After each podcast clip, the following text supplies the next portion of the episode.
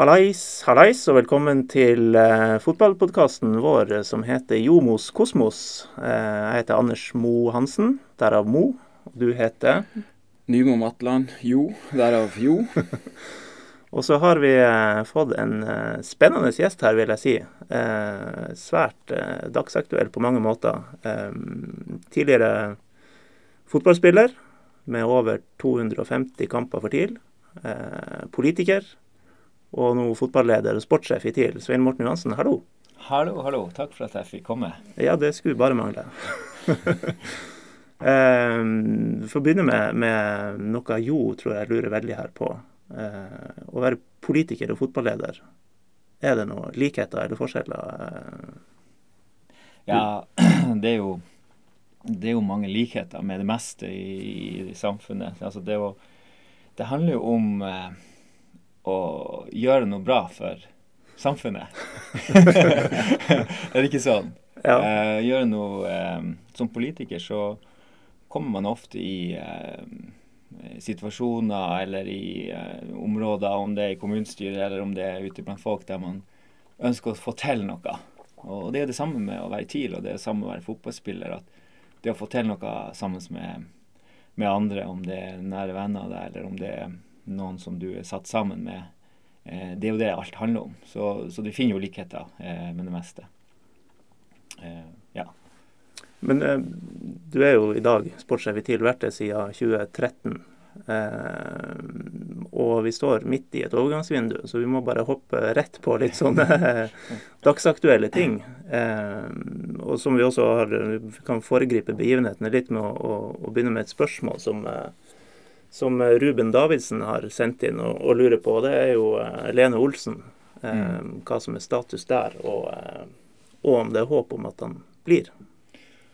Ja, status på Thomas er jo at han har kontrakt med oss. Alle har jo fulgt med i avisa hvordan, hvordan, den saken har skritt frem. Han har jo en familiær situasjon som gjør at han har ønska seg sørover, nærmere spesielt kanskje kjæresten sin. og, og vi har sett på løsning i forhold til det. Eh, det som er viktig for oss, er jo det at han Thomas har på en måte blitt veldig god hos oss. For fra han kom eh, fra benken i, i Godset, så har han spesielt nå i fjor høst vært kanskje en av Eliteseriens beste spisser. Mm. Og det har gjort at vi ikke kunne eh, bare si dra, dra sørover, følg, følg, hjertet ditt nå i forhold til familien. og Vi, vi er bare nødt til å sette foten ned og sagt at eh, hvis du skal dra, så må vi ha eh, penger for det. Mm. Så, så, saken per nå står jo på at det, det er enda en viss avstand mellom det som er kommet opp som et tilbud, og det vi på en måte har sagt han Thomas at vi vil ha. Mm. Eh, det virker som at han er veldig proff i forhold til det. Eh, og eh, vi får se hva fortsettelsen eh, sier, sier, om det. så per nå så er han hos oss. han blir enten solgt nå før sesongen, eller så blir han solgt i sommer. Det tror jeg er rett å si. Mm. Ja, som du har vært inne på, det å, å skrive noen nye avtaler der ser ikke spesielt sannsynlig ut. Nei, per nå så ser det ikke sannsynlig ut. Og så er jo fotballen også veldig sånn at den forandrer på seg innimellom. Og kan godt hende at det kommer et nytt vindu i forhold til det, men alt tyder på at uh, han Thomas ikke blir så lenge i TIL. Mm. Uh, men veldig proff er han i forhold til det å være her, og er en god spiller. Hva du tenker om det her, eh, jo, og, og, også det hvis det da skulle drøye til sommeren før det blir et salg. Uh, hva du tenker om, om hvor proff er man da?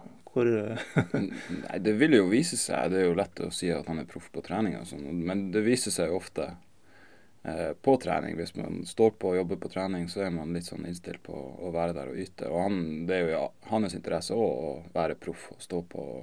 Ja. Hvis han nå må spille for TIL, så må han bare være god for TIL. at da vil andre klubber ha han. Hvis han er dårlig og syter og sitter på tribunen og sånn, så, så går jo det bare utover han sjøl, egentlig. Så um, Nei, Jeg håper jo for TIL sin del at han spiller så mange kamper som mulig i år for TIL. fordi at hvis han er i nærheten av det samme nivået han var i fjor høst, så er jo det en fantastisk spiller å ha. Mm. Ja, vi snakka litt om han og hvordan han utvikla seg i TIL. og han, han, er jo eh, Han er vel av den spisstypen der du kanskje ikke ser det her den, den klare spissferdigheten, men han, han, er god på mye. Han er god på mye, og det han utvikla i den siste delen av sesongen i fjor, det var jo å binde mer opp eh, spillet. Eh, han har alltid vært en god avslutter og en eh, direkte spiller, en bakromsspiller. Mm. Men han utvikla noe med å, å, binde opp spillet og droppe i rom. og Var kanskje ikke helt ulik en sånn type Kane ja. i, i, i, den uh, fasen der. Uh, jeg tror jo at Runar har det, også det i seg når han kommer i slaget, at vi kan bruke han som et bindeledd mellom midtbanen og, og toppleddet. Så, så, og Mors er mer en direkte spiller. Mm. Så vi har jo spillere som kan ta over for Thomas Eh, men Runar ser ut til å kunne trenge bitte litt mer tid. Men, men han, han, kommer sterkere og sterkere i år. Mm. Så har jo både han og, og eh, sine skadehistorikker som, eh, som, kanskje gir litt usikkerhet. Ja. Og så har vi jo den der bukken som begynte, ja. begynte, å røre på seg nå, da. Så får vi se hva som skjer med han. Det kan vi jo hoppe litt nedover i, i temalista, siden du nevner han. Eh, så jo plutselig ut som en, en eh, bra spiss i Tyrkia. Kan, kan, det bli noe det her likevel? Ja, Vi får se. Det, det er jo ikke enda sånn 100% avklart. Det ser ut som at han kommer til å bli eh, hos oss eh, fremover nå. Eh, 100 avklart er det ikke, men, men eh, mest sannsynlig blir han. Eh, han har, han, har, jo noe helt klart på avslutningssida og, og inn i boksen som, som han er veldig god på. så hadde han en elendig sesong i fjor. Eh, han spilte nesten ikke så. så eh, men, men, han har jo noe, og, og, eh, vi har sett det fra han har spilt før. Og, og vi vet også sånn historisk sett og at noen spillere bruker lang tid på å etablere seg i en ny, et nytt land, en ny mm. måte å spille på. Så er det jo alltid et sånt spørsmål som, som, kommer opp når man ser på typen. og Vi har diskutert bok mye utad også. Det er jo om om han passer i eh, det, det, tempoet som er i Norge, mm. eh, som er veldig Man kan sikkert Jo si mye om, men i Norge så er det et tempo som svinger veldig. Altså Det flyttes mye på, på spillerne rundt på banen. Du har nasjoner som er bedre enn oss, som har mye mer eh, høyere tempo på ballen, kanskje, men ikke så mye bevegelser i laget. og og det, det, her ser ut som at det kan være noen spillertyper som sliter med å tilpasse seg. Eh, det har vi sett før, og vi, vi har sett det litt med Wook. Så får vi se hva som skjer over tid med han i forhold til det. Mm. Ja, det tror jeg er spot on, faktisk. Fordi at det er en, en helt spesiell måte å spille fotball på i Norge, hvor alle er involvert i alt nesten hele mm. Og det er, sånn er ikke det i veldig, veldig mange andre land. Mm. Eh, hvor spissene de står med hoftefeste på midtbanen og lager ikke ballen og skal skåre mål. Og ferdig med det. Mm. Eh, og hvis de ikke skårer mål, så er de ikke gode, men hvis de skårer mål og ikke gjør noe som helst annet, så mm. er det mission accomplished. Så um, ja, så har du alle disse ballskiftene mm. sant, som er i Norge, som kanskje nå er i ferd med å, å, endre seg litt over tid. Vi ser jo at vi har begynt å spille mer possession. Tuel har jo holdt på med det lenge. Mm. Eh, men at du har mer et etablert spill. Men ser du tilbake litt, og kanskje det er det som vi har slitt med i norsk fotball, at eh, ballskiftene har vært så at du må ha spillere som kan løpe frem og tilbake hele tida. Og hvis det er noen som ikke kan det, så er de så sliten når de får ballen at eh, hva skal vi gjøre med den? Mm. Så, så, det er interessant å, å skå litt inn i det. Ja. Men, men eh, når det gjelder VUK, så var jo du ute i, i høst og egentlig, egentlig, anerkjente det som en bom. Eh, men hvis han nå plutselig skulle knekke noen koder og, og, bli en bra spiss for TIL, så er det vel ingenting som er bedre enn det? Nei da, vi, vi håper jo på at, eh, at han skal slå til. Eh, så er jo fotballen sånn at eh, spillere man kan treffe og man kan bomme. Og, og kan, ett år så kan du si at vi traff på en spiller, og, og neste år så ser han ikke ut som du traff på han likevel. og det, Kompleksiteten kan jo også vises gjennom en spiller som Aron, eh, som i det ene øyeblikket har sett ut som en, en uh, genisignering, mens mm. uh, i det neste øyeblikket så spiller han ikke. Så, så, det viser bare kompleksiteten i det vi holder på med. Det er kanskje en del som lurer på det. Hvorfor eh, spilte han så lite? Eh, jeg tenker det at eh, når Simo kom, så var det noen ting som, eh, som talte litt mot Aron. Det ene var det at han, han spilte i de kampene før der, etter Simo kom, der vi ikke tok poeng. Eh, vi spilte bra, men vi tok ikke poeng. eller vi vant ikke mot Lillestrøm og, og Molde de to første kampene. Eh, og så gikk han på en liten hamstring der, eh, Aron. Og så snudde plutselig resultatsida, og vi begynte å vinne. Og det satte seg et lag. Og, og formasjonsmessig så ble det også eh, sånn som en spiller som han Lasse ble plutselig veldig pluss i forhold til formasjonssida, mens kanskje Aron fikk en, en, liten minus i forhold til det. Eh, så, så, da ble han ute av laget, og, og, laget begynte å prestere bra og stabilt, og så ble laget ganske sånn satt i, etter det. Eh, så det var nok kanskje det viktigste årsaken til at Aron hadde en tøff høst. Eh, jeg syns han jobber veldig bra nå. Han er veldig seriøs og, og god. Og, og, det blir interessant å se hva som blir eh, Aron sin sesong nå som kommer. Ja, Det er jo helt åpenbart at han er en god spiller med masse gode ferdigheter og sånt, men det bare klikker ikke. Mm. Jeg syns han, han, vil for mye. Mm. For mm. ofte. Han vil ta ballen, han vil drible, han vil skyte. Han skyter jævlig mye. Mm. Eh, fra alle mulige vinkler som For sånne nerder som meg, så er ikke det så høyt på sånn expected goals-greier. Uh, så um, kanskje det har litt med sånne ting å gjøre, og mm. litt mer taktisk disiplin som Simo er veldig opptatt av, har jeg skjønt. Så um, hvis han tar de tingene til seg, så har han alle muligheter til å kanskje fylle tomrommet til han Lene Olsen i år. Mm. Ja. Nei, Det blir eh, som sagt interessant å følge Aron. Vi hadde en veldig fin prat eh, før han tok til Island, og der vi på en måte var på en felles plattform i forhold til videre løpet. Så, så han har jobba veldig hardt. selv ser han har trent noe mye når han har vært hjemme. Han er blitt sterkere i kroppen, uh, sånne ting. Så det, det, er nok som Jo sier, at det å koble seg på laget og, og, og kjenne på at du først, så gir du til laget, og så får du tilbake fra laget. Den, den er så viktig i fotball. Altså, mm. Mange som undervurderer det. Uh, og det, uh, det, tror jeg er aktuelt for Aron. Og, og, men han er en utrolig positiv og bra, uh, bra gutt. Så, litt sånn Sett fra utsida så er det veldig mye som prater om at han vil på landslaget, han vil med til VM og sånn. Og da, det ser veldig sånn ut at han tenker mye på det når han spiller. Mm. At han har lyst til å se bra ut fordi at han skal enten komme seg videre og bli solgt, eller komme på landslaget, eller sånne ting. Og det, det er vel litt det dere prater om før jul, at han eh, må tenke litt annerledes enn det. Ja, det tror jeg. Jeg tror det, det er ikke sånn ens for Aron, det er for, for eh, alle, alle, spillerne. Og jeg har lest en interessant bok nå som heter Edge, som handler om fotballens gullmiljø, eller som det, hva, hva, business kan lære av fotball. og eh, et eksempel i Atletic Bilbao der de, har, de sier på en måte alltid laget først eh, og så spilleren. Eh, og det du, det du, får igjen da Hvis du ser historisk på det, så er Atletic Bilbao det laget, og det er ikke mange som vet den klubben som har eh, kommet med flest spanske landslagsspillere. Mm. Eh, men det har de altså klart gjennom å sagt laget først. Eh, og det tror jeg mange kan lære innenfor fotballen, at hvis du, hvis du gir alt for laget, så får du igjen som enkeltspiller, og du da kan bli eh, veldig god og dra til VM eller hvor du skal. Men mm. det er så viktig at du, du, er en del av et lag. Ja, Aron er jo også en med kontrakt bare i år. Mm. Eh, og med hans Hvis han tar noen av de her tingene og, eh, og får et oppsving, så, så, kan vel det medføre både interesse utenfra og kanskje at han ser at her funker det. Nå, nå kan det være interessant å diskutere en ny kontrakt. Ja, og det er for han som det er for de andre spillerne at eh, hvis laget gjør det bra, Eh, så, så, begynner plutselig alt å røre seg i forhold til spillerne. Mm. Eh, jeg tror det er rett fra, fra mitt ståsted også å snakke om at, og det ser jeg helt konkret, at i de periodene der vi gjør det dårlig, så er ingen spillere, det er ingen som ringer og spør om, om spillerne våre, stort sett hvis vi gjør det veldig dårlig. Eh, mens med en gang vi begynner å gjøre det litt bedre, så begynner det å bevege seg rundt, rundt alle spillerne. og det, det, er det som må være fokuset for, for spillerne også. Mm. Ja.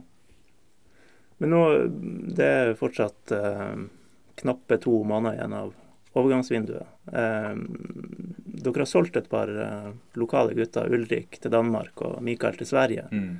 Eh, kan du si litt først om de, de salgene? Ja, eh, du kan si det er liksom to ting som er, er viktig i forhold til klubben og de, de to salgene. Eh, det ene er det at vi har vært inne i en strategi, og er inne i en strategi der vi ønsker å få et hjul i gang på å selge våre egne produkter. Eh, og, det tror jeg folk i Tromsø skal venne seg til, at eh, TIL må være en klubb som hele tida utvikler nye spillere, og kanskje har dem i A-laget eh, forhåpentligvis en god stund som de kan levere, men, men, at vi kan selge dem også. Eh, så du kan si at innenfor det så kan du si at vi, vi traff på en måte. Eh, og så har jeg vært åpen på at eh, det hjulet som vi ville ha i gang, er nå i gang, men vi fikk for litt penger for det. Mm. Eh, og, og, da tenker jeg at Ulrik er fortsatt innenfor en fornuftig sammenheng. Eh, jeg syns det var et helt greit salg, kan si et medium-salg, eh, til en bra dansk klubb, der han har sjanse til å bli solgt videre derfra. Eh, vi fikk OK med penger for han. Eh, og han kom jo også hjem fra Lyon og, og, og, var klar på at han ville ut igjen. Det lå vel noen premisser der om lå, at uh, han skulle Dere skulle ikke kreve skyhøye beløp? Ja, så, så ja. du kan si at uh, den, den, saken i seg sjøl er, er, helt grei. Og en, en medium pluss kanskje salg. Uh, når det gjelder Mikael, så har vi vært åpne også på at vi skulle gjerne ha han i to, etter to vinduer til. Og jeg tror at det ville gagna han, og jeg tror at det ville gagna oss. Uh, og at vi da kunne fått mye mer penger for han. Mm. Så, så, vi er i gang med en, en tankegang, en, en, strategi og en, og en, måte å gjøre ting på, men, men eh, vi er ikke på maksnivå av det ennå. Dit må vi jobbe oss inn. Ja, du har vel vært ganske klar på det, at det føltes ikke helt bra, den her Mikael saken, med tanke på hvordan dere ønsker å, å, å drive det her med utviklingshjulet? Ja, vi, vi, skulle ha eller, og, og, det er jo det vanskelige i en fotballhverdag der du har involvert eh, mange interesser i hver enkelt spiller. Eh, så vi prøvde å signere ny kontrakt med, med Mikael fra sommeren og utover, eh, men der det ikke gikk. Eh, og, og, da blir du litt tvunget opp i et hjørne. Så, så, så så det at det ble et salg nå, det var for så vidt fornuftig i forhold til at kontrakten hans gikk ut til sommeren, og vi får noe igjen. Vi har en videresalgsrettighet som er, som er bra. Så, så det, det, ble eh, kanskje medium minus til slutt på, på Mikael, men, men, det kunne ha vært bedre. Og, og, det er det som, sånn som jeg tenker det, og, når vi jobber for TIL, at vi skal hele tida bevege oss fremover og få de der prosessene bedre og bedre.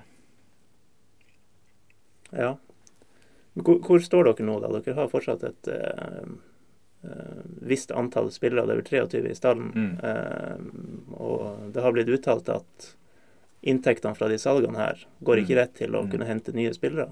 Mm. kan dere hente nye spillere i vinter? Nei, per nå så, så, har vi ikke ressurser til det. Så, så, vi får bare se hvordan de neste, den neste måneden eller den tida blir i forhold til ressurssituasjonen. Ehm, det kan enten skje ved at eh, vi selger en til, eller at eh, vi får eh, noen ressurser fra noen rundt oss i forhold til å, å kanskje hente inn en spiller. Um, så, så, vi vurderer. Det som, er, det som er bra, og som har vært liksom, kan du si, den første delen av, av det vinduet vi har vært igjennom, var at vi, vi gikk ganske bevisst inn for å prøve å beholde og samle de spillerne som vi hadde, fordi vi kjente dem godt. Uh, og at, eh, at, vi vet at hvis vi setter sammen et lag der spillerne kjenner hverandre godt, der relasjonene Der vi så at de tok et steg fra Simo kom til, eh, til ut sesongen, at de har kanskje ett steg til å gå på. Eh, så grunnbiten tror jeg er, er veldig bra. Eh, og derfor liksom Gjermund, eh, eh, Bakenga, Landu, Hans. Eh, de, de, rundene der. Og, og, så fikk du Tom, som på en måte fyller veldig bra på i forhold til det. Eh, den sammenhengen er vi veldig trygge på. Så det blir mer en sånn spørsmål som vi kan stille ut til omgivelsene og folket. Hvor ligger behovet for en, kanskje én ny spiller inn? Eh, vi ser at det kanskje er et behov der vi ser at vi skal klare oss med det vi har. Eh, men, eh, men det er alltid kanskje bra å ha en, et friskt ansikt inn. Men det som igjen som er, er så bra nå, det er det at de relasjonene som er, de har ikke vært så sterke siden i hvert fall jeg starta i, i, klubben som de er nå. Og kan begynne å ligne på noen sånne gamle årganger av, av TIL-lag, TIL der du på en måte brakte videre lag over tid, sånn at man blir sterkere i, i, i relasjoner. Ja, det, det, har eh, fra flere blitt nevnt eh, siden du tok over som sportssjef. Eh, eh, uten å være ufine navn som, eh, som Hamsa, Helmke, Jacobsson, eh, Gazanov eh, på spillersida. Men Mm. du kan godt, godt få si litt om det òg, men eh, akkurat ansettelsen av Valakari kan du òg få si litt om. For å der- balanse. For å få litt balanse, ja. For det er altså maken til, til oppsving, altså. Ja, eh, og jeg er ikke noe redd for å, å, og, snakke om eh, alt det som vi gjør. Og jeg sier jo ofte 'vi'. Eh, jeg har et ansvar, og, og derfor gikk jeg inn og tok veldig ansvaret for VOK-biten eh, når, det, når det sto på som, som verst. Eh, jeg har et øverste ansvar til at vi setter sammen ting på en bra måte. Eh, og i de prosessene som vi har gått igjennom med mange av de spillerne som du nevnte, så, så har vi felles gått inn og sett på hva kan vi få til for de pengene vi har hatt. Det skal sies at mange av de i den første fasen eh, Jeg skal ikke fraskrive meg det ansvaret, men vi hadde ingen penger, vi hadde ingen ressurser til noe som helst. Eh, så vi prøvde på, på en del ting som ikke var bra. Mm. Eh, og det er klart, det må vi hele tida evaluere og se hva, hva vi gjør bedre. Men eh, eh, etter hvert så føler jeg at vi har fått mer og mer eh, kontroll, selv om vi var åpne på VOK, men at eh, ting også tar tid. Eh, det er et faktum, det er faktisk målt også, at eh, en spiller er på topp tre år etter at han kommer til en ny klubb. Eh, og, og det er klart at du har en Salas som kanskje beviser noe annet, men det tror jeg er mer unntakene enn en, og det er også interessant å se på hvordan Manchester City er mye bedre i år enn i fjor. Ja, ting tar tid å bygge, og det er derfor jeg er inne på det her med lagsammensetninga. Men for å gå tilbake til Simo, så, så var det eh, Det var litt flaks at han var tilgjengelig, eh, men det var også en veldig klar tanke fra klubbens side eh, om hva vi behøvde. Um, og så gjorde vi jo en kortsiktig kontrakt med han for at vi ønska på en måte å se det før vi gikk på en langsiktig. Men det var veldig klart for meg i hvert fall at vi trengte no, no, en trener som hadde en veldig klar filosofi. Um, og, og, det var vel kanskje mitt første møte med Simo. Uh, det Der han overbeviste meg mest, det var vel uh, på at han hadde en veldig definert filosofi på hva han skulle gjøre. At det viser seg at vi traff på de menneskelige sidene eh, har jo vært et veldig sånn pluss, men det har jo vært uhyre viktig, det også. Eh, men eh, vi hadde litt flaks at han var akkurat mellom jobber, men at han er en dyktig trener, ingen tvil om. Og det er allerede litt sånn noen som tror jeg er nysgjerrig på han fra, fra utlandet, på hans kapasitet og hans ja, alt det han har. Mm. Så det blir jo interessant å følge eh, det her over, tid, hvordan han utvikler seg i, i, i TIL. Mm. Det er ikke en, en, mann man har her til evig tid, sannsynligvis. Det er nok ikke det, og, og, og det blir viktig for klubben at vi eh, på en måte bruker denne tida godt. Eh, at vi også har en tanke på hva skal fremtida bli for, for, klubben, og at vi ikke bare ser oss blindt inn på det øyeblikket vi er i, i nå når det gjelder akkurat det med treneren. Ja. Nei, det um, høres veldig rett ut å tenke sånn, fordi at det som han kan være med på å bygge nå, som jo ser veldig lovende ut, det kan jo være med på å skape et fundament som, som kan ta klubben videre fem, seks, syv, åtte år etter at han kanskje har, har reist. Så mm. um, det tror jeg er, er veldig lurt. Og det, det, det, slår meg som at spillerne er veldig mye mer interessert i det de holder på med nå, ja. enn hva tilfellet var for uh, ja, si et år siden. Og det er jo den samme spillergruppa som er der nå, og mm. um, som var der da. Ja, jeg tror at det, det viktige for TIL nå, det er det at når vi snakker om spillelogistikk, vi snakker om spillestil, vi snakker om eh, rekruttering av, av, ledere, av trenere, av alt. Eh, det viktigste som vi kan gjøre, det er å være, å være klar på hva vi skal være. Hvilken identitet vi skal ha, hvordan vi skal spille, hvordan vi skal behandle mennesker. Alle. Hvis vi klarer å få på plass alt det, så klarer vi mye bedre å rekruttere i alle ledd. Altså hvilke spillere er det vi ønsker, hvilke trenere ønsker vi. Og det er igjen tilbake til det jeg sa i stad med Atleti Bilbao, at de, de har en enestående evne til å rekruttere de rette trenerne hele tida. Eh, og det er jo fordi at de er sikre på hva, hva de vil ha. Mm. Og, og, og, det tror jeg gjelder Nå er jo dem en enklere spillelogistikk fordi at de bare har eh, vaskere der. Men, men, eh, men, det gjelder jo også på spillelogistikken at eh, være virkelig klar på hva er det man ser etter. Mm. Og tar vi da et annet eksempel eh, med Østersund, så har jo de en bevisst logistikk på at de ser etter noen bestemte egenskaper eh, i spillet som gjør at den kan fylle på sin måte å spille på. Mm. Så, så det er viktig, de tingene der. Ja, det er helt rett. Fordi at uh, hvis, man, hvis, man, vet hva man ser etter, så er det mye lettere å finne det òg. Ja.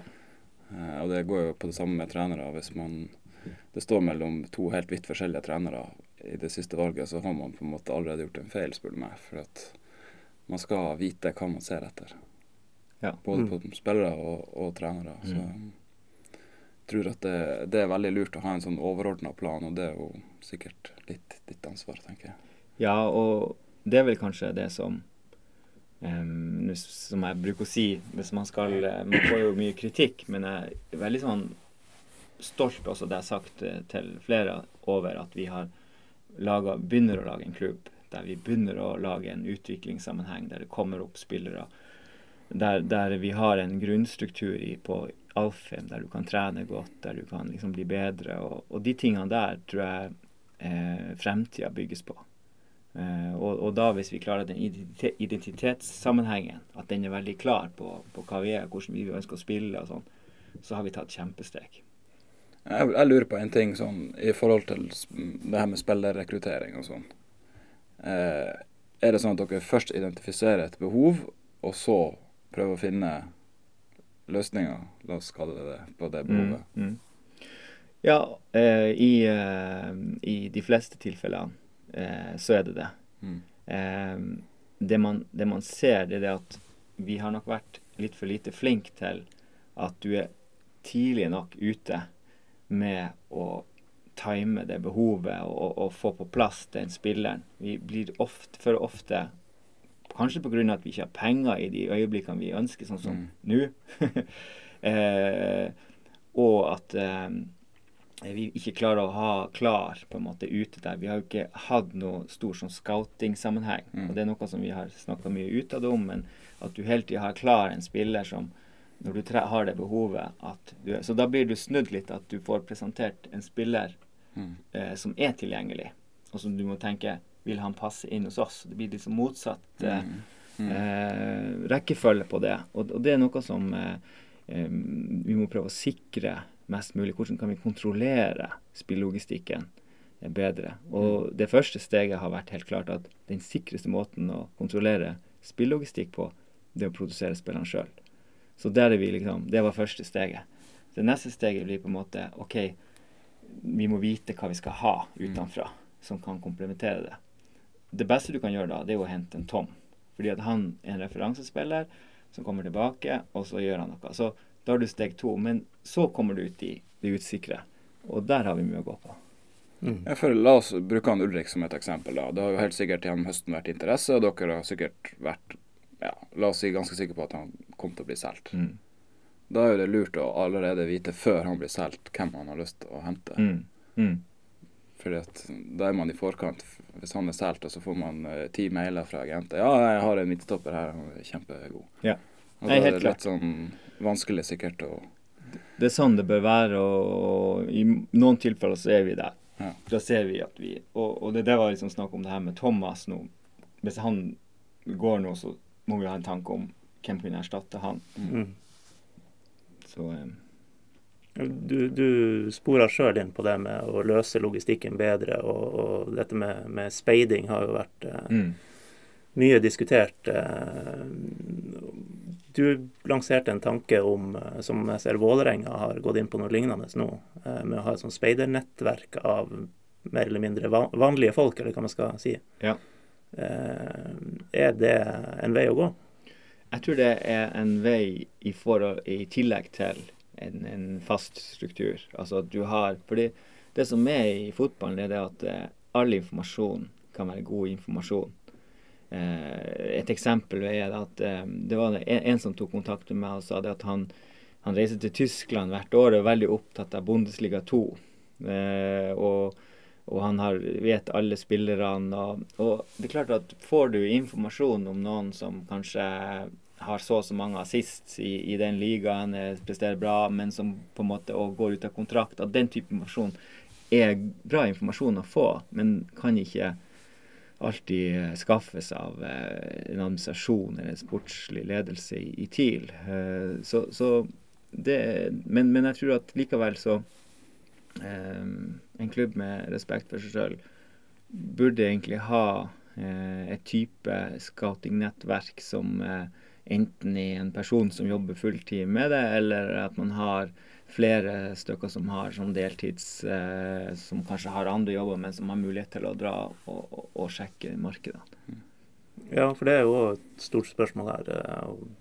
Debattema. Det er jo det å ha en dedikert speider Mm. Eh, som man da selvfølgelig bruker litt penger på, men om ikke det kan være verdt pengene? Ja, det er jo eh, noe som vi diskuterer hele tida. Så er det alltid sånn her at vi har ikke penger til det. Mm. Eh, men, men eh, jeg tror nok over tid at det TIL kommer til å ha eh, en, en eller flere som, som har hele tida blikket ut, utad av klubben. Ja, for må, må komme dit at TIL skal ikke sitte med tre-fire utlendinger på benken.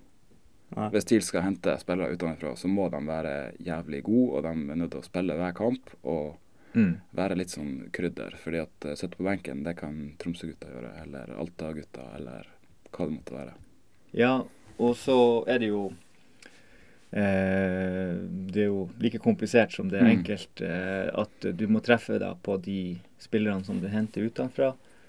Eh, og så er det jo litt sånn interessant at eh, når eh, guttene våre leverer, da, så, og skyver ut en, kanskje en, en utenlandsspiller, så er ikke det så dumt heller. Altså, vi spilte jo hele høstsesongen med bare norske spillere stort sett på, mm. på laget. Uh, og det er ikke et mål i seg sjøl, eh, men, men, det er jo interessant at det skjedde. Uh, og da må vi se var det på den ene sida at den internasjonale logistikken var, var, for dårlig, og det kan godt hende at det stemte i i fjor høst? Eh, eller var det at, vi, at en type Lasse plutselig slo til, og at vi hadde egne spillere som, som på en måte leverte så bra? Eh, men det, vi har jo sagt at vi har en logistikk og en strategi på at vi skal ha maks fem utenlandske spillere. Kanskje skal vi eh, maks ha tre, og, og, at de tre spillerne er, er så gode at de, de, er på laget. Så det, det er noe som eh, vi alltid trakter etter. Mm. Og så er jo utfordringa her også eh, med, med andrelaget i fjerdedivisjon nå, at hvis du får noen som havner på benken i den kategorien, så, så er ikke Arena 2 så veldig god lenger. Eh, og derfor er det snakk om flere utlån, og da står vel dere klar i, i dalen. ja, hvis den er god nok, så. ja, du skal jo ha et visst nivå vet du, hvis du skal ja. over til uh, Jo og gjengen. Men uh, vi så jo med Lasse at det var jo en uh, veldig god sak. Og vi har jo en dialog med, med Tuil om, om, det kan være noen som passer i den kategorien til å, til å spille for Tuil. Så vi har for så vidt um, Det er jo interessant. Det har, det har vært sikkert 60-70 personer som har gått mellom Tuil og TIL eh, fra 90 eller noe sånt. Regna på det en gang. Du er en eh, Jeg er en av dem, ja. Som ledere eller spillere. Og, og um, det er jo uh, Man drar jo nytte av hverandre, helt klart. Mm. Ja, det er mange suksesshistorier der, tror jeg. Skal vi komme inn på at uh, det var jeg og Truls Jensen som gjorde han til en mann i Tromsdalen? ja, få høre. Nei, det kom jo en sånn der uh, lettvekter over brua fra, fra TIL og hadde vokst opp her og, eh, hos oss. Jeg sier jo nå jeg er TIL-mann, men da var jeg jo TUL-mann. og ja, vi måtte bare strippe han ned og sende han på jobb på asylmottaket. og det viste seg å være en suksess. Han, jo ble jo en uh, bærebjelke etter hvert borti Tromsdalen og gikk jo videre til, uh, til Sarpsborg. Mm.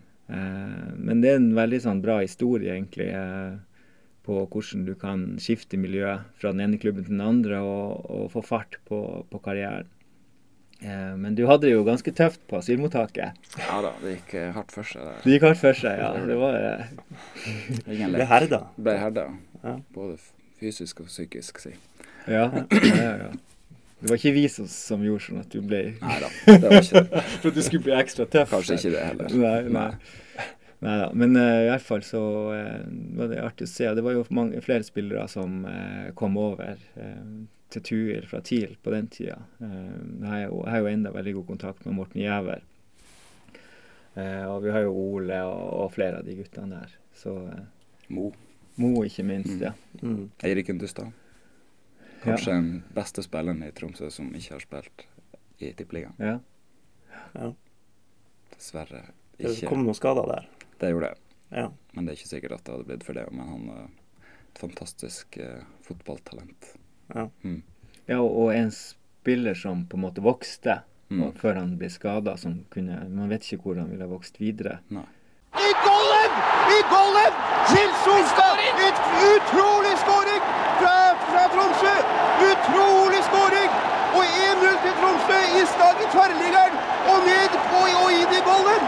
Uten muligheter for Arne Amundsen. Hvor langt hold var det? Drillo, var det 275 meter? Hvor langt var det? Vi skal se litt tilbake i tid også. Vi nevnte at du kom fra, fra Tuil til TIL i 92. Mm. Var med på å berge plassen for TIL det året. Skåra vel noen mål i eh, en nedsabling av Sogndal i siste runde ikke det stemmer bra? Ja, det stemmer bra. og det stemmer. Jeg skårte to og la opp ja. til tre ja, ikke sant? Så, av de seks. så jeg var ja. Det var kanskje synd at den beste kampen min kom bare det første året. Men eh, noe vi har fått noen spørsmål om, og som, eh, som eh, du vet vi skal spørre deg om. Eh, et intervju du gjorde Det var vel ikke så lang tid etter du kom over fra TUL TIL, kan det stemme? Uh, ja, nå, nå, er det jo sånn at jeg sjelden snakker om det. uh, men uh, jeg kan jo si hvilken sammenheng det var i. Det var vel tilhengeren der det var intervju om Jeg tror det var Truls Jensen som faktisk var redaktør i tilhengeren, så vi tar den opp innimellom. Jeg tror ikke han heller liker å prate om det. så det var vel spørsmål om Det var vel tre ting man ikke kunne unnvære på ei øde øy. så så det er vel egentlig det jeg ønsker å si om den saken. Men jeg kan jo si at det, eh, det har jo vært eh, en sak som egentlig har eh, vært oppe egentlig hvert år på en eller annen måte. enten har vært ute på byen eller jeg har truffet gamle kjente i, ettertid. Og det er klart at jeg flirer jo stort sett om den, og det tror jeg de fleste gjør. Men Eh, det, var ganske, det var ganske tøft eh, for meg på det tidspunktet, for jeg var jo 20, eh, 20 år, 21 år, og, og jeg pryda hele førstesida i, i, i denne avisa. på ikke den måten som jeg kanskje ønska å, å tre inn i, i, i klubben på. Eh, men eh, eh, samtidig så så, så, var det jo en del av, av, av ja, den man var Ikke, ikke innholdet, men, men liksom det å, å, være litt uhøytidelig og, og, liksom tørre å, å, å, spøke om ting. Og så var det kanskje ikke en god spøk, men, eh, men det, det, er jo Det har alltid vært en, en, del av meg å prøve ut eh Å prøve ut eh, eh, Ikke den type grenser, men å, litt humor og, og uhøytidelige ting. og um, det har jeg gjort mye rart som jeg ikke vet om. Vær så god, fortell.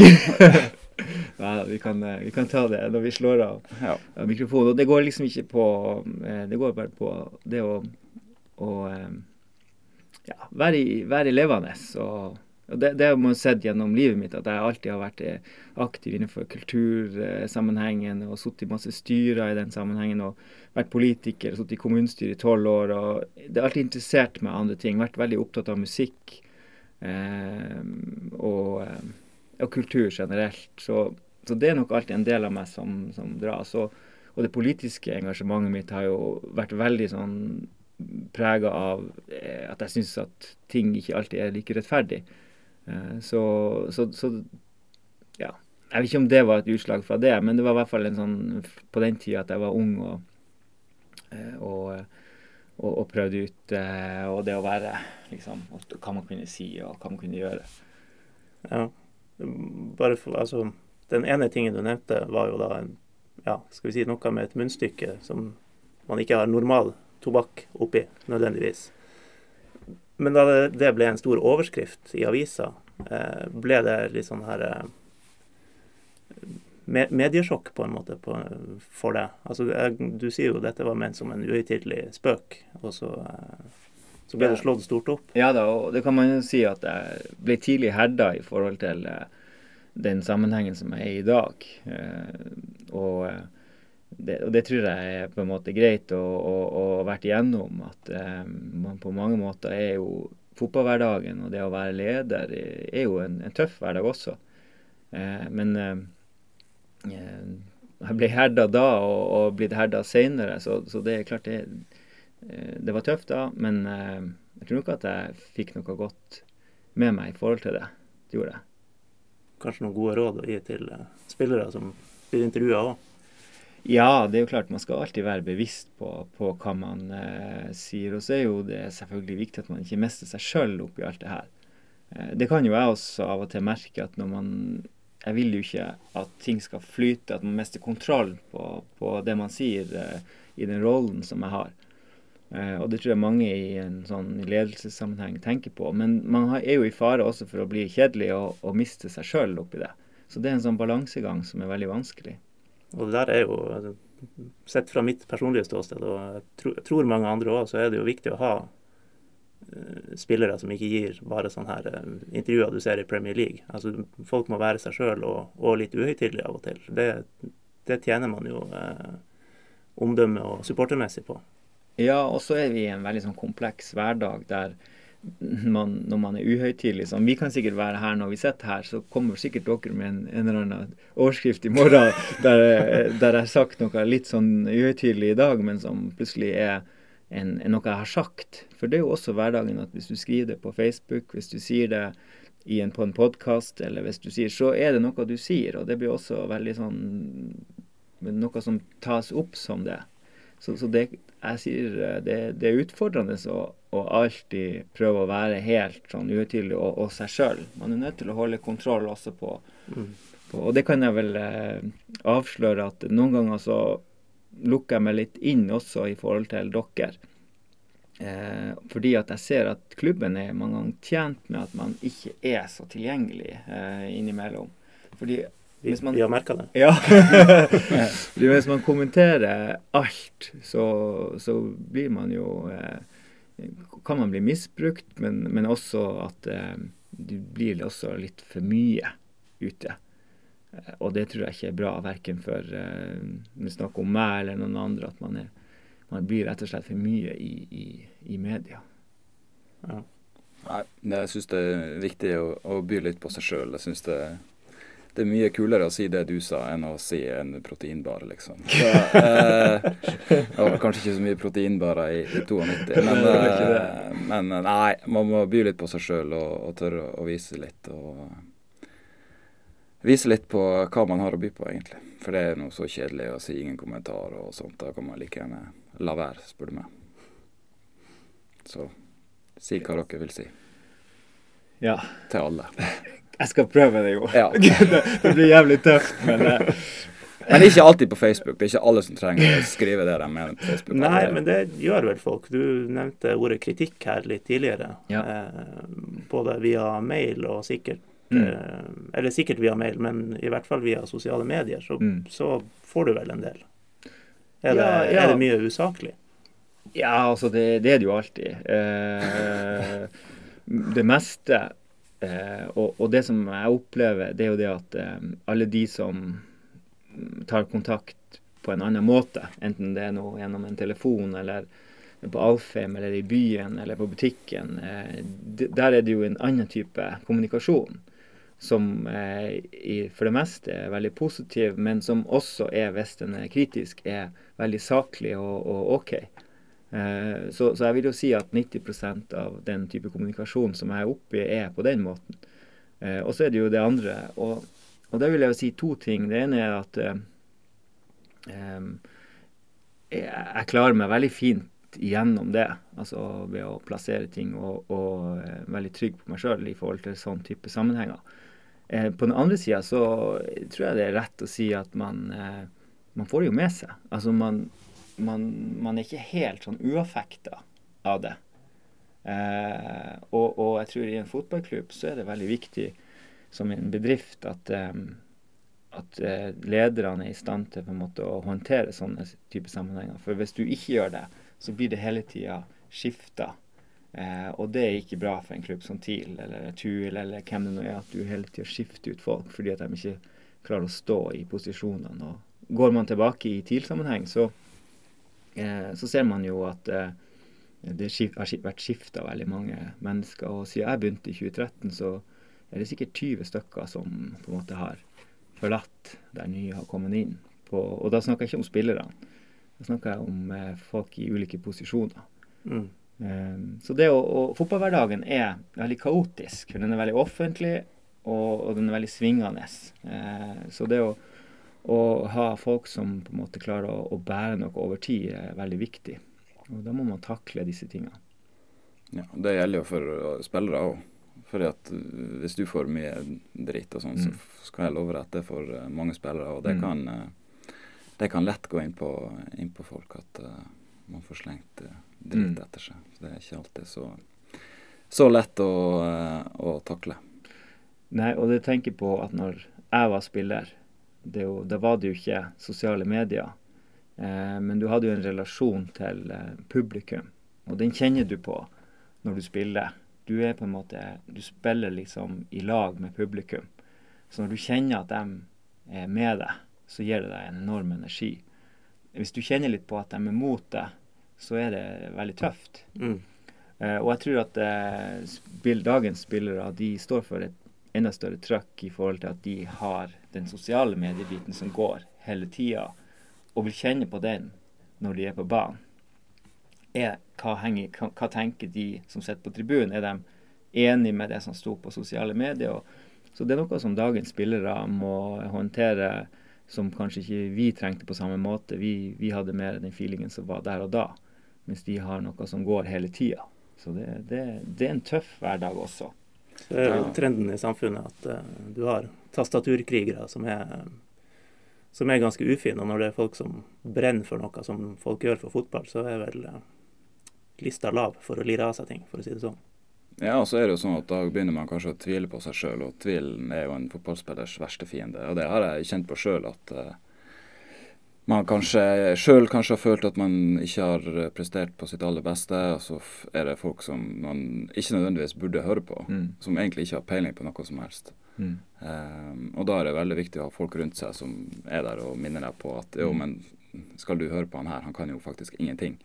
Um, så um, det er viktig å ha et sterkt apparat rundt seg, sikkert både for deg, men også veldig for spillerne. At, uh, mm. At man blir flinkere på å beskytte seg sjøl og skjerme seg sjøl litt fra, fra, sånne ting. Og spesielt i, i, perioder hvor det kanskje ikke går så veldig bra. Ja, og, og det ligger jo en enorm jobb for klubben. Og det vi ser at hvis, har, hvis vi går tilbake til den her eh, filosofibiten og hvordan skal vi gjøre ting, hvordan skal vi spille, hvordan håndterer vi hverandre i garderoben, alt det, jo sterkere de tingene er, jo mer setter du spilleren i stand til å håndtere de utenforliggende uh, tingene. Mm. Bare en ting til fra spillerkarrieren. Uh, du ble vel muligens cupmester i 1996? Men du, ble, men du spilte ikke cupfinalen? Nei, jeg ble, ble ikke cupmester. Nei, nei. Jeg, var, jeg knakk ankelen i mai. Det var så tidlig, ja. Ok, Så du fikk ikke den tittelen? Nei. nei. Hvordan var det? nei, det gjør jo at sulten for uh, uh, å vinne noe når jeg er i klubben nå, er høyst til stede. Ja. Uh, og veldig befriende å ha, en, å ha, en, trener som kommer inn og sier at vi skal vinne noe. det det syns jeg har vært helt fantastisk at, at han sier det. Mm. Eh, og har faktisk virkelig reell tro på det. Eh, og når jeg følger han i, i, i de sammenhengene, så, så, kjenner jeg også at jeg har tro på det, eh, med, med, det som, eh, som, står nå i trenerteamet. Og veldig interessant å se nå hvordan eh, de har jobba nå eh, den, den tida vi har hatt nå siden vi starta opp, og at det, det, det jobbes veldig godt der. Så, um, så, jeg har tro på at uh, vi, jeg, det er ennå ikke for seint, eh, Anders. Nei, det er sant. Ja. Og fire armer av Morten Bredal, og redde høyt, og han redder Jeg tror vi må, eh, før tida løp helt fra så må vi gyve løs på noen spørsmål eh, som vi har fått inn, for det, har, det er en del. Eh, vi har fått et spørsmål eh, fra Morten Killingberg eh, på, på Twitter. Han kjenner du jo til, Ja. Også Tromsø-leder. Ja. Eh, så får du se om du svarer på det. Hvilken spiller som spiller i Eliteserien i dag, ville du ha henta til TIL? Ja. ehm, det er jo ehm, Nå tipper jeg du velger noe urealistisk for ikke å røpe noen ting. Ja, ja he, helt klart. Eh, nei da, jeg, jeg, jeg tenker jo at eh, en, spiller som Mike Jensen ville vært eh, en bra spiller for oss å ha. Eh, sånn som vi spiller, og, og eh, ut ifra eh, at Mikael nå dro, og, så, så det kunne ha vært eh, en bra spiller for oss. Ja. Mm. Enig i det. Litt dårlig videresalgspotensial. det, det har du rett i. Så vi må, rett i. Ja. hvis vi skrur tida en måned tilbake, så tar vi Sivi Krepin Diata. Krepin Diate, ja. Ja, ja. men det går jo ikke. Det går ikke. Nei. Trenger kanskje noen eh, eksterne investorer for å hente Jensen òg. Ja, eh, det, det tror jeg nok. eh, Så det var greit å ta noe urealistisk.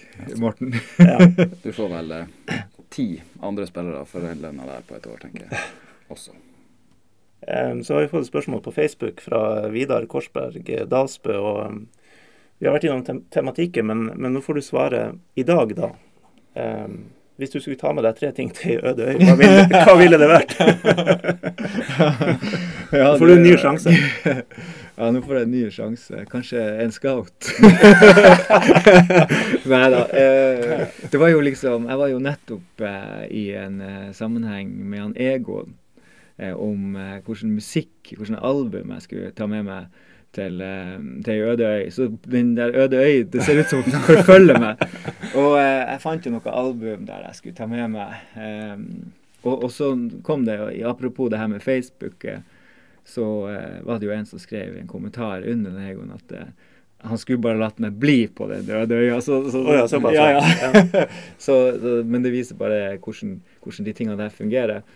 Eh, men eh, eh, ja. Jeg, håper jo at jeg får tid til å dra med kona mi til Ødøy en, en gang. Så får vi se. Det var et bra spørsmål. For takk, takk for det. Og at jeg får sagt at jeg setter pris på kona mi. Ja. Kona er en scout og, og en musikkspiller. Ja. Ja, Man tar jo ikke med album lenger. Da må du velge to. Album og CD-spiller, platespiller, Ja, det er høyttalere. Det mye. komplisert, komplisert Ja. det der. Ehm, fast innsender er sentralkomiteen på Hatteng skole. Um, stiller først et spørsmål som, som jeg har funnet svaret på. Det er hva gjør Zakari Hamza i dag? Vet du det? Nei, det vet jeg ikke. Eh, Visstnok så spiller han på nivå tre i Spania. Eller spiller og spiller. Han er i stallen i nivå tre. Mm. Ja, okay. I Elche. Oi, det er Ja. jo ikke så verst. Nei, de har vært høyere Ja. Jeg har vært på Elche Real Madrid Ja, se der. ja, for bare tre år siden. Så da har det gått ikke så bra med Elche. Nei. Nei. Um, ja, så lurer han på hva i all verden lå bak den signeringa.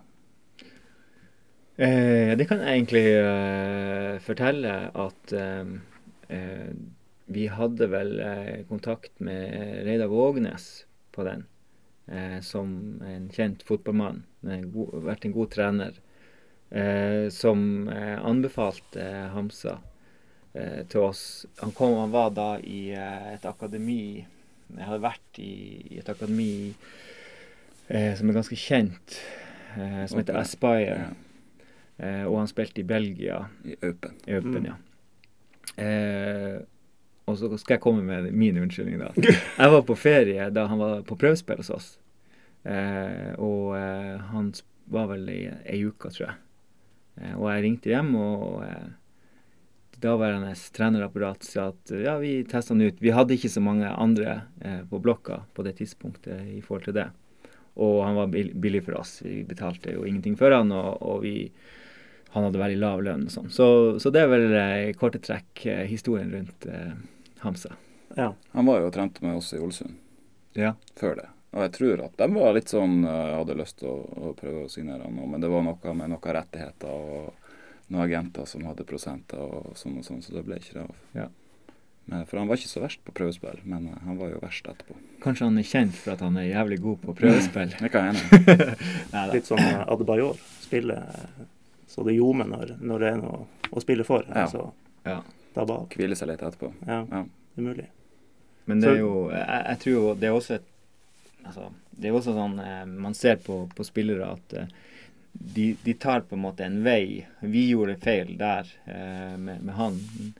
Det, det, det med å Spillere kan De går ofte liksom Hvis du er en veldig god spiller, så lykkes han kanskje uavhengig av omgivelsene. Eh, men hvis du har en, en spiller som er skjør, så, så går det ofte enten ene veien eller den andre. Og, og med han så gikk det jo den andre. Jeg har hørt at han ikke vant på én trening på et halvt år. ok, det, det var nytt. Mm. For så vidt samme spørsmål fra samme person om, eh, om en som ble henta på samme tid. eh, Helmke. Mm. Eh, Henrik Helmke, som jeg ser har vært i Han har vært i Iran og Egypt og tilhører nå den kjente klubben Ferainslos på, Mm. på Transfermarkt.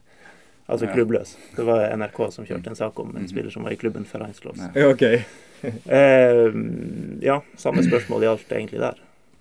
Ja, det, og det er, det er jo lenge siden det her. Eh, Det var i 2013. Det, det var mitt første år. Eh, Det var Vi var i en veldig spesiell situasjon. Eh, Agnar så spilleren i, i Finland. Eh, og eh, vi bestemte oss for at vi måtte ha en spiller inn. Vi solgte vel SIS etter at eh, eh, i, I den perioden der eh, til eh, Frankrike. Og de pengene var på en måte brukt opp fra før, så vi kunne ikke bruke noen av de pengene på, på en ny spiller, og, og det endte med, med Helmke. Um, han hadde jo vært bra, en ok spiller i Finland, og, og spilte vel også bra etterpå, eh, jeg hørte. Men eh, eh, det var jo ingen suksess hos oss. Mm. Han kom vel litt mer på banen enn en Hamsa, da. Ja, det gjorde han. Ja.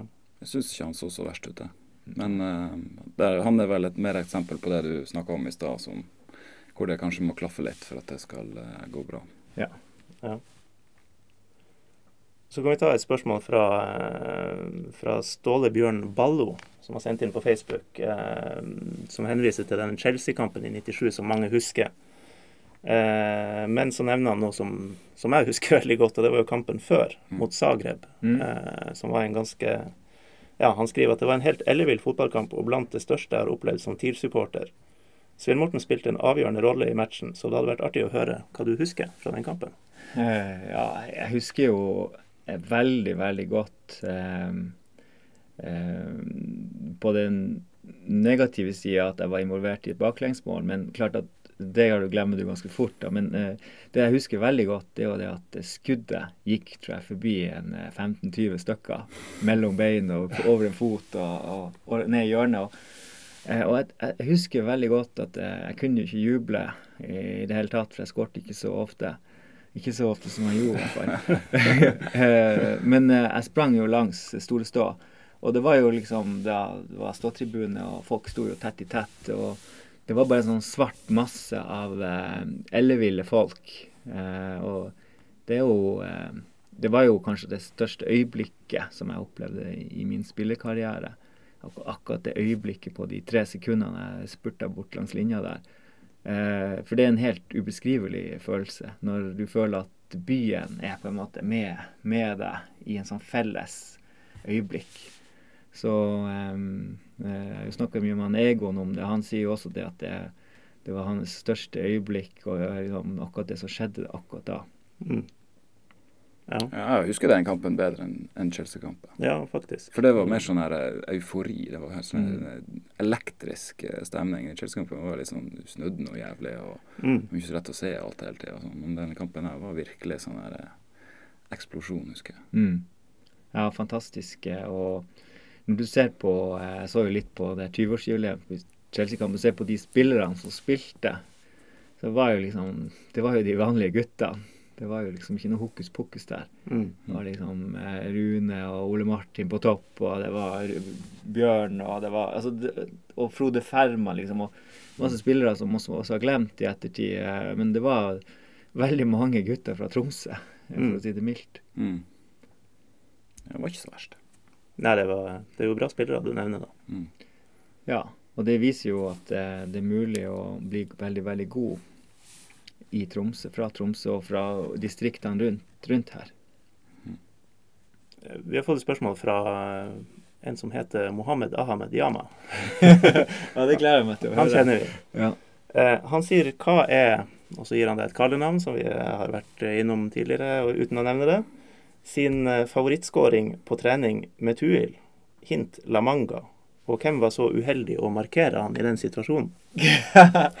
ja, fantastisk spørsmål. Jeg må, jeg må jo eh, være glad for at jeg får de type spørsmål. Nei, jeg var jo med Tuil. Jeg var leder i Tuil i 2005, tror jeg det var. Seks. Seks. Mm. Var du med da? Nei. Nei. Eh, og så mangla det en spiller på denne laget, og jeg hadde jo tilfeldigvis fotballskoene på meg. Jeg hadde jo lagt opp, og hofta kjenner jo alle til, den er ikke bra. Eh, men eh, midt i det her spillet, fire mot fire, så kommer det altså en boll opp i lufta, og det var et eller annet som klikka i hodet mitt at eh, her, jeg, her, skjer det noe. Så jeg heiv meg på et brassespark, sånn, og det gikk faktisk i krysset. Og det ble filma av Morten Jævel. Eh, og han Mo sto nok ved siden av meg, og jeg tror ikke han tenkte at jeg kom til å gjøre noe der. Stiv og gammel mann. Men jeg heiv meg faktisk rundt. Og det sier jo også noe om at man har mye mer i seg enn man tror. ja. ja Brasseeksperten ble altså tatt brasse på. Ja, i, han må jo skåre 10-20 mål for ja. Nei, det er helt, helt sykt. Men nå er han en gammel mann, så nå kan jeg, Med dårlig hofte. Ja. Så det spørs om det har vært noen sånn her overføringseffekt her. Jeg tenker kanskje at vi kommer til å sitte og mimre litt over det der over 30-40 år, jeg og Mo på en eller annen sykehjem her i byen. Brassesparkene våre. Det høres bra ut. Ja, det, den samtalen vil jeg skulle jeg gjerne vært med på. Og jeg er jo snart på to titanhofter, så jeg, det blir sikkert litt hofteprat. Det blir Jomos Kosmos episode 7000. Av nysgjerrighet, når du nevner det, stoppes du i sikkerhetskontroll? Ja, hver gang. Hver gang? Mm. Det pip når du går gjennom? Ja. Og da må du ha noe papir, eller? Nei da, du bare sier at det oh, ja. Men det må sjekkes hver gang, da. Ja. Hvordan sjekker de det? Nei, det må bare gå gjennom. Sånn som banke i på en hofta? stopp. Nei da, de tar bare den vanlige skrivingen. Ja, Mm. nettopp. Ja, OK. Masete. Ja ja, men nå blir det to, så da har jeg virkelig grunn til det. OK. Um, ja, nå er det kanskje tid for litt uh, selvransakelse, eller hva man skal si. Um, en Carl Gunnar har sendt inn et spørsmål. Hvis TIL sin sportssjefstilling var på åremål, sånn som den er i mange andre klubber, uh, og det gikk ut i 2017, Mm. tror du at du ville fått fornya kontrakten? Ja, det tror jeg. Det kom ganske fort. Mm. Da må du begrunne. Ja, jeg er ganske sikker på det. Og det som eh, eh, For det første så tror jeg at eh, jeg er blitt mye bedre altså eh, gjennom den erfaringa. Altså, jeg har jo hatt et helt liv i fotball. Eh, på en spiller, som leder, som nå som sportssjef. Eh, Jobba analyse, har gjort det mest i en fotballklubb. Eh, også når jeg var i Tuil og gjorde alle oppgavene der. Men det klart det å være sportssjef og jobbe med de tingene eh, trengs også en erfaring i, i det. Sånn at eh, Jeg sa vel i et intervju her at jeg er ganske sikker på at eh, man blir enda bedre de fem neste årene enn de fem årene jeg har vært i klubben. Og det tror jeg de rundt meg også, også ser. Eh, det som jeg kan si til denne, dette spørsmålet også, det er at eh, den dagen da noen sier at eh, jeg skal finne meg noe annet, så gjør jeg det. Eh, Jeg kommer ikke til å holde på en sånn type jobb. Det er ikke, det er ikke meg, og kommer aldri til å bli meg. Eh, sånn var jeg som spiller òg. Eh, jeg leverer det jeg har, og så er det opp til andre å bedømme om det er godt nok. Eh, så så eh, jeg tror jo også det at eh, det som mange har målt meg veldig på, er jo spillelogistikken. Eh, det har vært 20 av jobben min. Dessverre. Jeg skulle gjerne ha det sånn at jeg at jeg jobba 100% med det. Men den situasjonen som klubben har vært i, så har jeg jobba veldig mye med helheten i klubben. Eh, det har vært min jobb, det også, og jeg jobba veldig mye med administrasjonen av hele A-laget. Så det handler jo ikke bare om at du peker på spillere og får inn. Du, du må huse spillerne, du må ha kontrakter, du må ha overganger, du må ha alt som går skjer på lov og reglement. Eh, og du må også sette sammen en, en kultur og en infrastruktur rundt det. Eh, og jeg, som jeg sa i stad, i begynnelsen av det her, så er innretninga til klubben veldig sterk nå i forhold til eh, fremtida. Og, og det har vært en av mine viktigste oppgaver. Det var på en måte at du ikke bare har ei overbygning, men at du har en grunnmur som du kan eh, utvikle de neste 20-30 årene. Um, en av de tingene som jeg jobber veldig hardt med, som egentlig ikke er blitt nevnt så mye, det er jo at vi har fått eh, den laben som vi har nå, med, der unge gutter i dag trener. Der alle trener, som vi har gjort i samarbeid med universitetet. Eh, og det fantastiske samarbeidet vi hadde med universitetet og Dag Johansen og flere der borte. Eh, jeg skal ikke si at det ikke ville eksistert uten meg, men eh, i denne sammenhengen, når de spørsmålene kommer opp, så har det vært viktig. og, det, er, det sier jeg veldig stolt av, akkurat det. Men som sagt, den dagen da noen sier at nå skal du videre, så, så, gjør jeg det helt klart.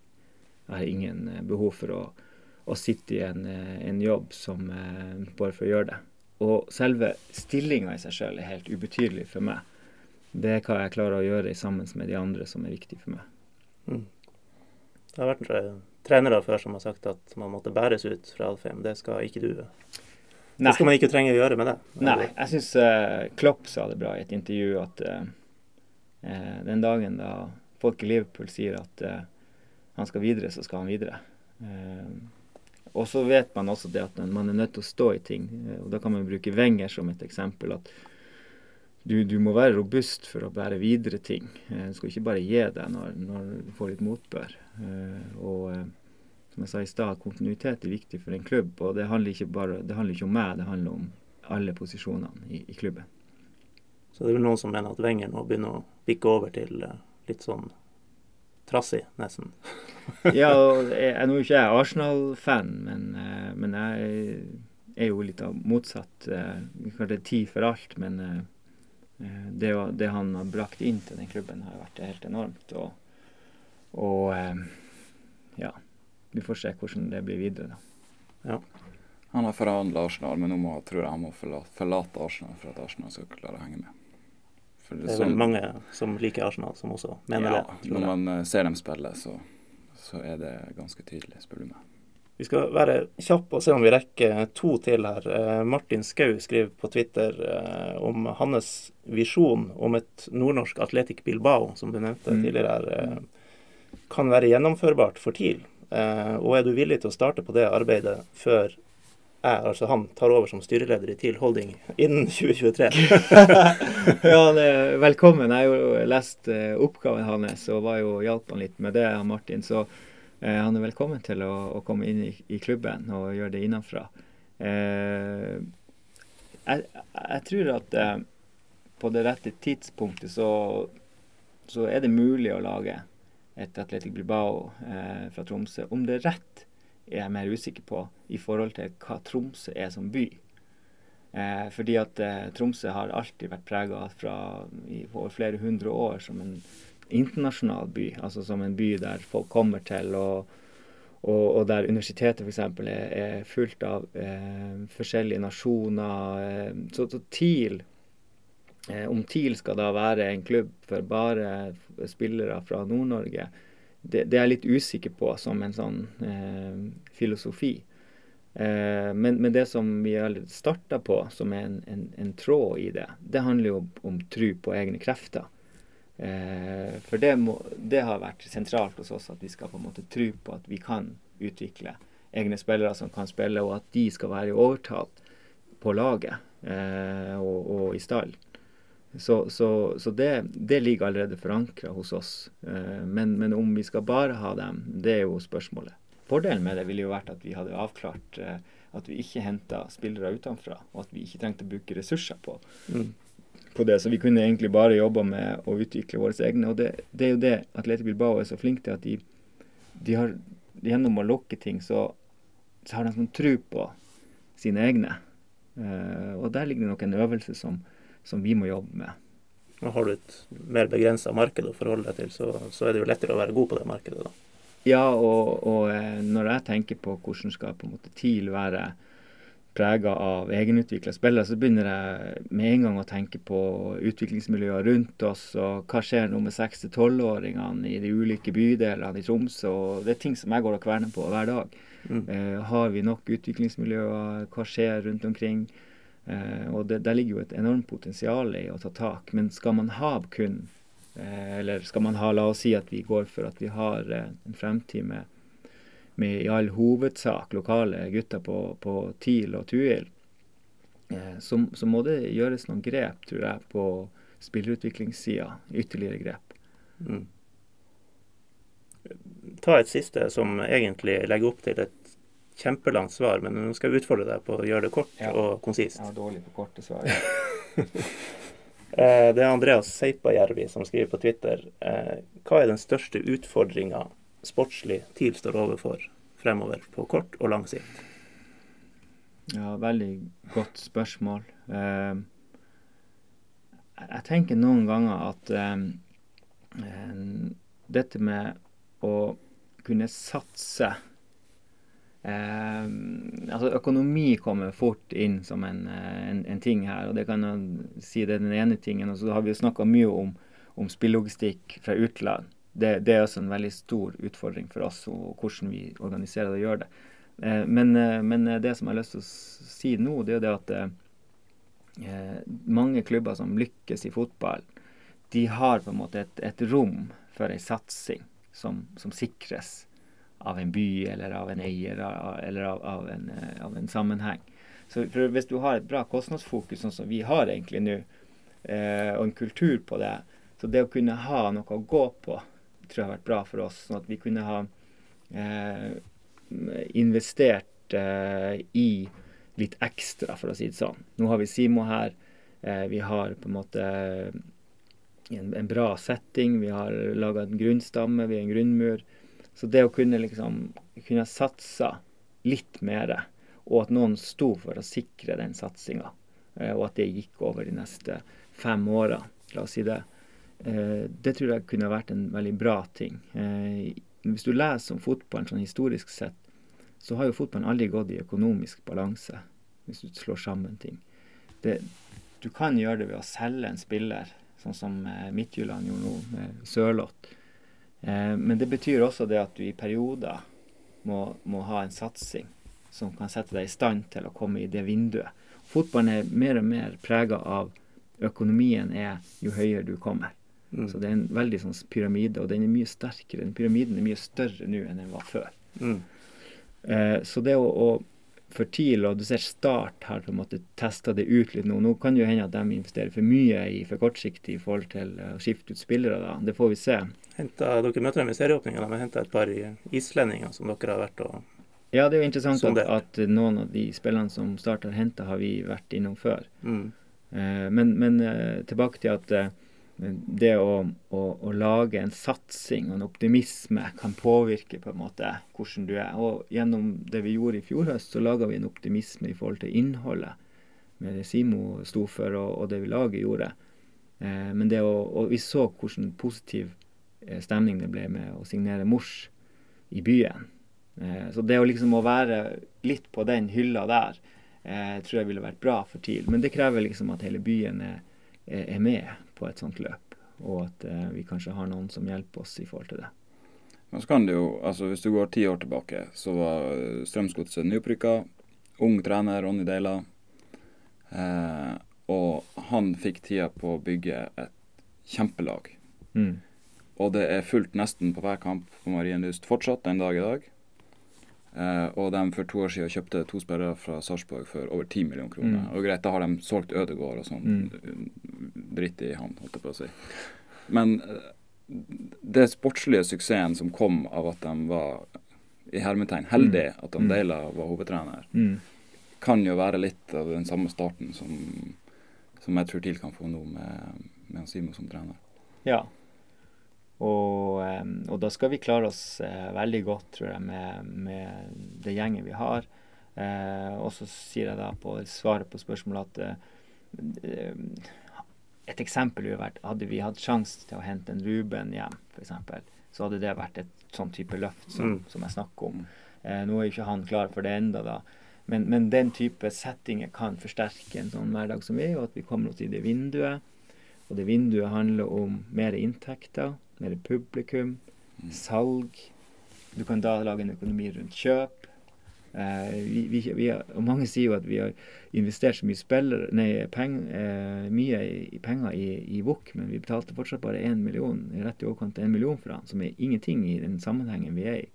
Eh, når vi vet at Start kjøpte en spiller nå for 4 millioner kroner. Mm. Start. Mm. Eh, så, så det å være innafor fotballøkonomien og komme oss innafor, det er kanskje svaret. Et langt svar. Ja, det ble ikke kort og konsist. Det ble det Nei, ikke. jeg er dårlig på det i dag. Få et bra lag, bli mer folk på Alfheim, mer penger i kassa. Lettere å være god etterpå igjen. Det var litt bedre stikkordsform. Enkelt og greit. Men han kunne sitte og tenke mens jeg pratet. Ja, ja. Satt og noterte. Ja, ja. Oppi hodet. Vi har masse vi sikkert kunne tatt eh, for oss, men nå er tida Vi er på overtid. Så jeg får heller si tusen takk for at du kom, Siv Morten. Så eh, håper jeg det her var såpass trivelig at kanskje vi kan invitere deg en gang seinere òg. Ja, vi får nå se på det. Kommer han an, kommer an på overskrifta, det sier. Ja, Ja, ja, ja. nettopp. ja, det var jo grilling, så. Ja. Ja. Så er det vel fare for at vi eh, snakkes etter hvert. Du ringer vel i ettermiddag? Det er mulig. Da sier vi som vi bruker, at eh, folk må finne oss på eh, Facebook og Twitter og høre på oss på iTunes og Soundcloud. Og så eh, er vi vel tilbake om Det er kanskje to uker nå inn mot sesongstart, og så kanskje vi intensiverer litt etter hvert. Mm. Finn oss, like oss, gi oss gode ratings, for da er det lettere å finne oss på diverse plattformer. Mm. Da sier vi snakkes. Yes, ha det. Hi, Philip. Great match today. Congrats, 30 years. Have a nice Saturday. Congrats again. Have a nice evening. We take them all. Just take them all. Have a nice evening. Happy birthday. Happy birthday.